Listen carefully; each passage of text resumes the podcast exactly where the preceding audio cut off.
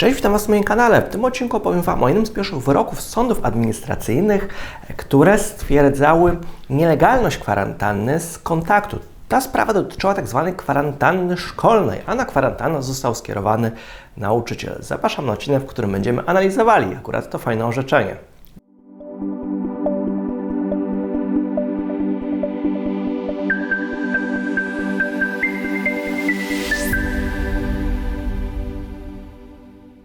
Generalnie o co chodziło w tej sprawie?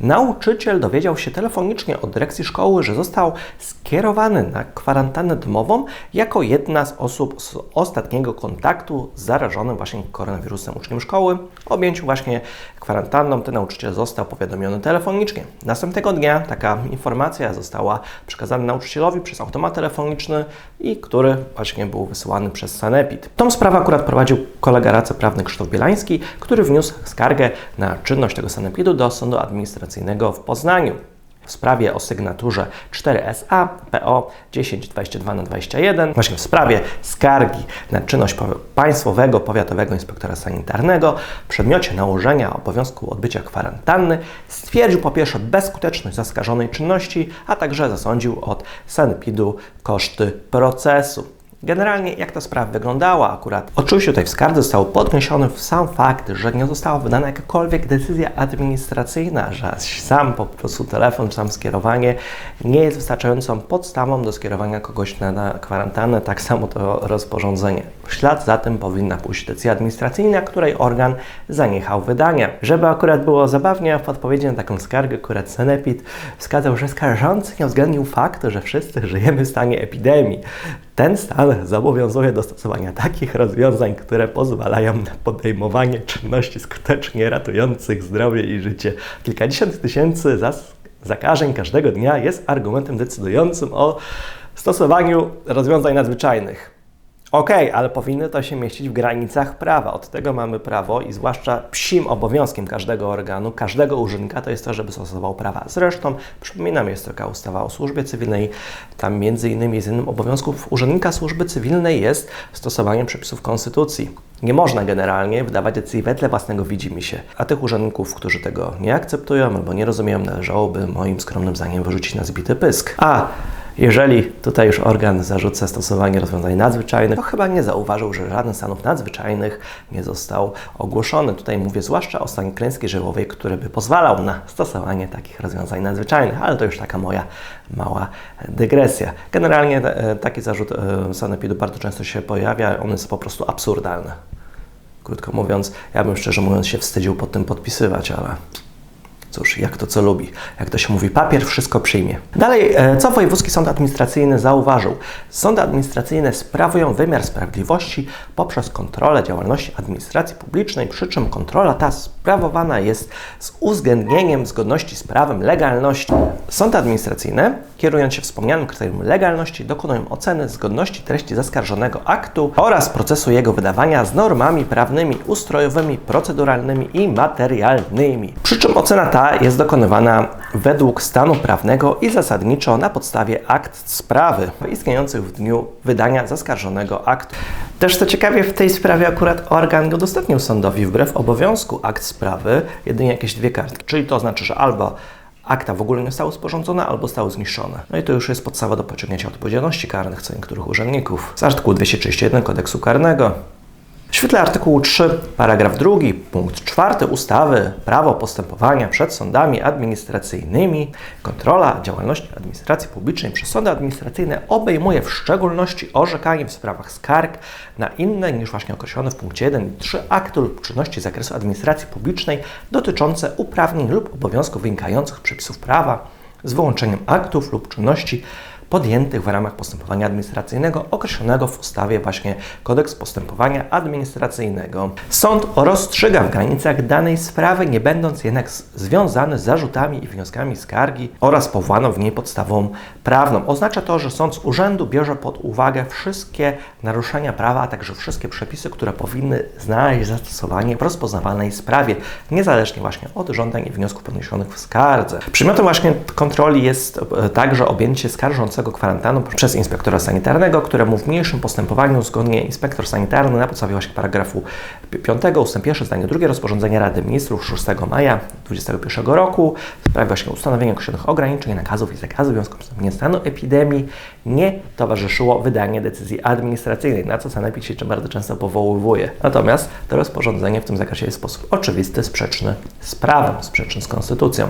Sąd w Poznaniu e, podzielił pogląd, zgodnie z którym objęcie w takim trybie przez organy inspekcji sanitarnej osoby kwarantanną stanowi czynność z zakresu administracji publicznej zaskarżalną do sądu administracyjnego na podstawie artykułu 3, paragraf 2, punkt 4 prawo postępowania przed sądami administracyjnymi. Myśl właśnie artykuł 53, paragraf 2 prawo postępowania przed sądami administracyjnymi, jeżeli ustawa nie przewiduje środków zaskarżenia w sprawie będącej przedmiotem skargi, skargę na akty lub czynności, o których właśnie mowa w paragrafie w artykule 3, paragraf 2, punkt 4, wnosi się w terminie 30 dni. Tutaj w tej sprawie został generalnie termin oczywiście zachowany. Oczywiście, jeżeli ktoś nie zaskarżył samego skierowania na kwarantannę, to jeżeli po prostu ją ignorował, to oczywiście z tego powodu nie ponosi żadnych konsekwencji. Tak samo nie przekłada to się na e, możliwość dochodzenia później odszkodowania w sądzie cywilnym. Powoływanie by się na to przez organ stanowiłoby zarzut nadużycia prawa, e, zwłaszcza, że kodeks cywilny obejmuje innymi terminami, to są głównie odpowiednio 3 lata, więc ograniczenie możliwości dochodzenia odszkodowania do tego, czy ktoś w terminie 30 dni zaskarżył taką kwarantannę, biorąc pod uwagę, że jeszcze odpowiednio wcześniej 14 i 10 dni musiał siedzieć w domu, no to byłoby e, nadużyciem prawa, o którym jest mowa w artykule 5 kodeksu cywilnego i nie korzysta to z ochrony prawnej. Tutaj generalnie sąd również zauważył, że wbrew obowiązkowi wynikającego z artykułu 54 paragraf 2 PPSA organ nie dołączył do odpowiedzi na skargę akt administracyjnych sprawy, a jedynie dwa pisma składające się na korespondencję, jaką wymienili między sobą skarżący oraz organ.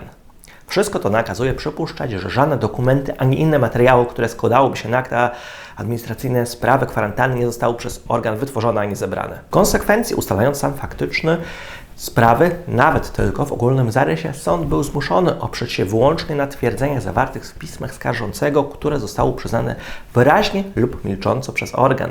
I tak z jednego pisma wynikało, że przebywał na kwarantannie domowej, został na nią skierowany jako jedna z osób z ostatniego kontaktu zarażonym właśnie koronawirusem uczniem szkoły, w której skarżący pracuje jako nauczyciel, a objęciu go kwarantanną skarżący został poinformowany telefonicznie przez dyrektora tej szkoły. Następnego dnia Analogiczna informacja została przekazana skarżącemu przez automat telefoniczny powstający właśnie w dyspozycji inspekcji sanitarnej. Jeszcze właśnie większych trudności e, nastręcza wyczerpujące ustalenie podstawy prawnej, na jakie skarżący skierowany został na, mm, taką, na taką kwarantannę. Wedle wyjaśnień pełnomocnika organu zawartych w odpowiedzi na skargę, przymiotowa kwarantanna została nałożona na skarżącego z mocy obowiązującego prawa. Jakiego? Skoro sąd tam tutaj nie wie, na podstawie przepisów rozporządzenia Rady Ministrów które to rozporządzenie jest podstawą prawną podejmowanych czynności przez organ, cytując e, tutaj Sanepid. Wbrew twierdzeniom organu, przepisy rozporządzenia Rady Ministrów, w tym właśnie przywołane e, paragrafy, nie zawierają wyczerpującej ani choćby tylko zrębowej regulacji kwarantanny stosowanej z uprzednią stycznością z osobą zarażoną. W ogóle nie regulują przesłanek objęcia taką kwarantanną ani kategorii osób jej podlegających. Zaś same przepisy rozporządzenia stanowią jedynie, że w przypadku objęcia przez organ inspekcji sanitarnej osoby kwarantanny z powodu narażenia na chorobę wywołaną przez mm, wirus SARS-CoV-2 izolacją bądź izolacją w warunkach domowych, informacja o tym umieszcza się w systemie teleinformatycznym, decyzji organu nie wydaje się. W związku z czym należy podkreślić, że wyczerpującą regulację instytucji kwarantanny zawiera ustawa o zapobieganiu oraz zwalczaniu zakażeń i chorób zakaźnych u ludzi i to począwszy od definicji legalnej kwarantanny. No i dalej sąd tutaj podkreśla, że kwarantanna mogłaby zostać nałożona jedynie na podstawie właśnie ustawy o zapobieganiu oraz zwalczaniu zakażeń i chorób zakaźnych u ludzi konkretnie na podstawie artykułu 33 ust. 1, artykułu 5 tej ustawy. Tutaj sąd wskazał, że nałożenie w konkretnym przypadku na osobę obowiązku poddania się kwarantannie jest w istocie formą pozbawienia jej wolności w rozumieniu artykułu 5 Konwencji o ochronie praw człowieka i podstawowych wolności. W myśl artykułu 5 ust. 1 tej konwencji każdy ma prawo do wolności i bezpieczeństwa osobistego. Nikt nie może być pozbawiony wolności z wyjątkiem następujących przypadków i w trybie ustalonym przez prawo zgodnego z prawem pozbawienia wolności osoby w celu zapobieżenia szerzeniu przez nią choroby zakaźnej. Przy tym każdy, kto został pozbawiony wolności poprzez zatrzymanie lub aresztowanie, ma prawo odwoływania się do sądu w celu ustalenia bezzwłocznie przez sąd legalności pozbawienia wolności i zarządzenia zwolnienia, jeżeli pozbawienie wolności jest niezgodne z prawem. Regulację analogiczną do cytowanych przepisów Europejska Konwencja Praw Człowieka zawiera Konstytucja Rzeczpospolitej Polskiej, zgodnie z którym w artykule 41 ust. 1 każdemu zapewnia się nietykalność osobistą i wolność osobistą. Pozbawienie lub ograniczenie wolności można nastąpić tylko na zasadach i w trybie określonych w ustawie. Ustawodawca dodał do tego istotne zastrzeżenie o charakterze gwarancyjnym, zgodnie z którym każdy pozbawiony wolności nie na podstawie wyroku sądowego ma prawo odwoływania się do sądu w celu niezwłocznego ustalenia legalności tego pozbawienia. Pozbawienie wolności, którym jest mowa w artykule 47 ust. 1, także właśnie obowiązek podania się kwarantannie ze względu na skumulowane zakazy i obowiązki, którym podlega osoba poddana się temu obowiązkowi, czące o znacznej dolegliwości ingerencji w strefę wolności osobistej do pozbawienia wolności w znaczeniu konstytucyjnym. Jest to pogląd właśnie w istocie zbieżny z generalnym stanowiskiem Europejskiego Trybunału Praw Człowieka, zgodnie z którym dla oceny, czy w konkretnej sprawie doszło do pozbawienia wolności, czy tylko do jej ograniczenia, znaczenie ma nie tyle istota ingerencji, co nasilenia zastosowanych restrykcji. Innymi słowy, różnica pomiędzy pozbawieniem wolności a jej ograniczeniem ma często nie tyle charakter jakościowy, co ilościowy. Różnica ta wynika nie więc z samych pojęć, zależy raczej od nasilenia stosowanych ograniczeń oraz ich proporcjonalności. Nie ulega wątpliwości, że w ramach gwarantowanych w wymienionych przepisach konstytucyjnych oraz konwencyjnych procedury sądowej kontroli legalności. Tymczasem właśnie w niniejszej sprawie zweryfikowanie kontroli legalności nie było możliwe z uwagi właśnie na niezebranie, nieprzetworzenie akt postępowania administracyjnego, pomimo takiego obowiązku, który wynika z ustawy. Należy w tym miejscu podkreślić, że akt sprawy, o których mowa w przepisie, nie można utożsamiać wyłącznie z aktami sprawy zmiankowanymi w kodeksie postępowania administracyjnego. W mniejszej sprawie obowiązek podania się przez skarżącego kwarantannie są nałożone skarżącego najprawdopodobniej w związku z jego stycznością z osobą zarażoną. Tutaj sąd podkreślił, że zatem samo stwierdzenie faktu zaistnienia styczności oraz, oraz okoliczności tego kontaktu kto, z kim, gdzie, kiedy i tak dalej, powinny zostać utrwalone w aktach administracyjnych sprawy, aby możliwa była późniejsza weryfikacja tego, czy do skierowania danej osoby przez organ administracji na kwarantannę rzeczywiście doszło na podstawie i w granicach prawa, a konkretnie właśnie na zasadach określonych w ustawie. Kolejno z wyjaśnień organu zawartych w piśmie oskarżącego oraz odpowiedzi na skargę wynika, że przed skierowaniem skarżącego na kwarantannę organ musiał najpierw powziąć wiadomość o wystąpieniu na terenie szkoły u jednego z uczniów zarażenia koronawirusem, a następnie kontaktował się z dyrektorem szkoły w celu ustalenia osób ostatniego kontaktu, by na koniec informacji o tych osobach i nałożenia na ich kwarantannie umieścić w ogólnopolskim systemie informatycznym SEPI. Nie ulega wątpliwości, że wszystkie te czynności mogły i powinny być utrwalone w formie chociażby notatki urzędowej oraz wydruku z informacji SEPIS na akta sprawy podlegającej następnie przekazaniu sądowi wraz z skargą i odpowiedzią na skargę. Po trzecie, w świetle przywołanych wyżej normowań artykułu 41 Konstytucji oraz artykułu 5 Europejskiej Konwencji o ochronie praw człowieka niedopuszczalną jest sytuacja, w której sąd nie dysponuje materiałami sprawy pozwalającymi skontrolować legalność zastosowanego wobec danej osoby środka noszącego znamiona pozbawienia wolności w rozumieniu aktów prawnych, również w zakresie jego podstawy faktycznej, do której nietrafnie zauważa się, że stopień gwarancyjności sądowego postępowania kontrolnego może być zróżnicowany w zależności od rodzaju ingerencji w wolność i okoliczności konkretnej sprawy, co w szczególności oznacza, że dalej idące gwarancje procesowe powinny być zapewnione wówczas, gdy ingerencja ma charakter długotrwały, procedura może być zaś uproszczona tylko wtedy, gdy pozbawienie wolności następuje w trybie nagłym i na krótko. W ocenie sądu nigdy jednak owo uproszczenie procedury nie może iść tak daleko, żeby to czyniło kontrolę wręcz fikcyjną, jak to miało miejsce akurat w tej sprawie. W tej sprawie z uwagi na niezebranie, niewytworzenie e, przez organ administracyjny akt sprawy, sąd nie jest nawet w stanie zweryfikować prawidłowości czy nawet podstawy faktycznej zaskarżonej czynności oraz postępowania poprzedzającego jej dokonanie. W konsekwencji kontroli sądowej wymykają się również kwestie podniesione w zarzutach właśnie ze skargi.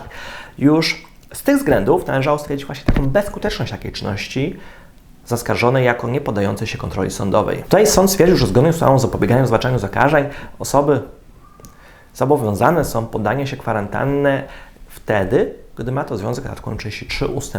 1 i artykułem 5 ustawy. Przy czym nałożenie takiej kwarantanny musi być w formie decyzji administracyjnej i zasady tej nie zmienia przepis artykułu 33 ust. 3a, który stanowi, że decyzje, że decyzje mogą być przekazywane w różny sposób, nie wymagają uzasadnienia, a Także po trzecie, jeżeli są przekazywane w inny sposób niż w formie pisemnej, muszą następnie zostać doręczone na piśmie po ustaniu czynności uniemożliwiających organowi doręczenia decyzji w ten sposób. Ten przepis nie pozwala na odstąpienie od tej formy. Tymczasem właśnie rozporządzenie Rady Ministrów postanowiono, że w przypadku objęcia przez organ inspekcji sanitarnej osoby kwarantanną z powodu narażenia na chorobę wywołaną wirusem SARS-CoV-2 izolacji, informacja o tym umieszcza się odnośnym systemie teleinformatycznym, natomiast decyzji organu inspekcji nie wydaje się. Przywołane rozporządzenie miało zostać niby teoretycznie wydane w artykuł 46a i 46b ustawy o zapobieganiu zwalczaniu zakażeń. Pomijając nawet w tym miejscu y, istotną wątpliwość co do prawidłowości w świetle wymagań wynikających z artykułu 92 ust. 1 zdanie 2 Konstytucji Rzeczypospolitej, upoważnienia ustawowego z uwagi na z uwagi na niedostateczną określoność, a wręcz blankietowość wytycznych zamieszczonych w artykule 46a, także w ogóle zastrzeżenia co do dopuszczalności nakładania obowiązku podania się kwarantanny jedynie na drodze rozporządzenia. Tym bardziej, co należy tutaj podkreślić, przepisy artykułu 5 oraz artykuł 33 i artykuł 34 od początku nie odsyłały w zakresie praw i obowiązków obywateli do rozporządzeń, lecz regulowało kwestie ograniczeń tych praw w sposób całkowi- zupełny i całkowity. Należy podkreślić, że wprowadzone w rozporządzeniu odstępstwo od ustawowej zasady nakładania obowiązku poddania się kwarantannie na podstawie decyzji administracyjnej nie mieści się w zakresie ustanowienia obowiązku podania się kwarantannie, o którym jest mowa w artykule 36b punkt 5 ustawy. Rozporządzenie nie może tutaj w żaden sposób modyfikować tej ustawy. Należy też podkreślić, że właśnie mm, zmiana w tym rozporządzeniu skutkowało niejako pośrednio nieuprawnionym zwolnieniem organów inspekcji sanitarnej z obowiązku przeprowadzenia postępowania administracyjnego w sprawie nałożenia obowiązku kwarantanny, postępowania normalnie poprzedzającego wydanie decyzji administracyjnej, a w konsekwencji także pozbawiało bez należytej podstawy prawnej gwarancji środków procesowych związanych z ogólną zasadą dwuinstancyjności postępowania administracyjnego, w tym zwłaszcza w konstytucyjnego prawa do zaskarżenia rozstrzygnięcia zapadłego w pierwszej instancji. Wszystko to prowadzi do wniosku, że przepis tego rozporządzenia wykraczał poza zakres upoważnienia ustawowego, który jest określony w artykuł 36a i 46b ustawy o zapobieganiu oraz zwalczaniu zakażeń chorób zakaźnych u ludzi, tym samym w sposób sprzeczny z artykułem 92 Konstytucji. Z powyższych względów sąd na podstawie artykułu 178 Konstytucji był zobowiązany odmówić stosowania w kontrolowanej sprawie niekonstytucyjnego i niezgodnego z ustawą przepisu rozporządzenia. Także sąd zauważył, że jest jasne, że organy sanitarnej nie ustanawiają prawa, a jedynie stosują. Natomiast stosując prawo, muszą jednak pamiętać o tym, że jednym z fundamentów zasady zaufania obywatela do państwa i stanowionego przez nie prawa jest to, że obywatel może zakładać, że treści obowiązującego prawa są dokładnie takie, jakie to zostało ustalone w orzecznictwie przez sądy.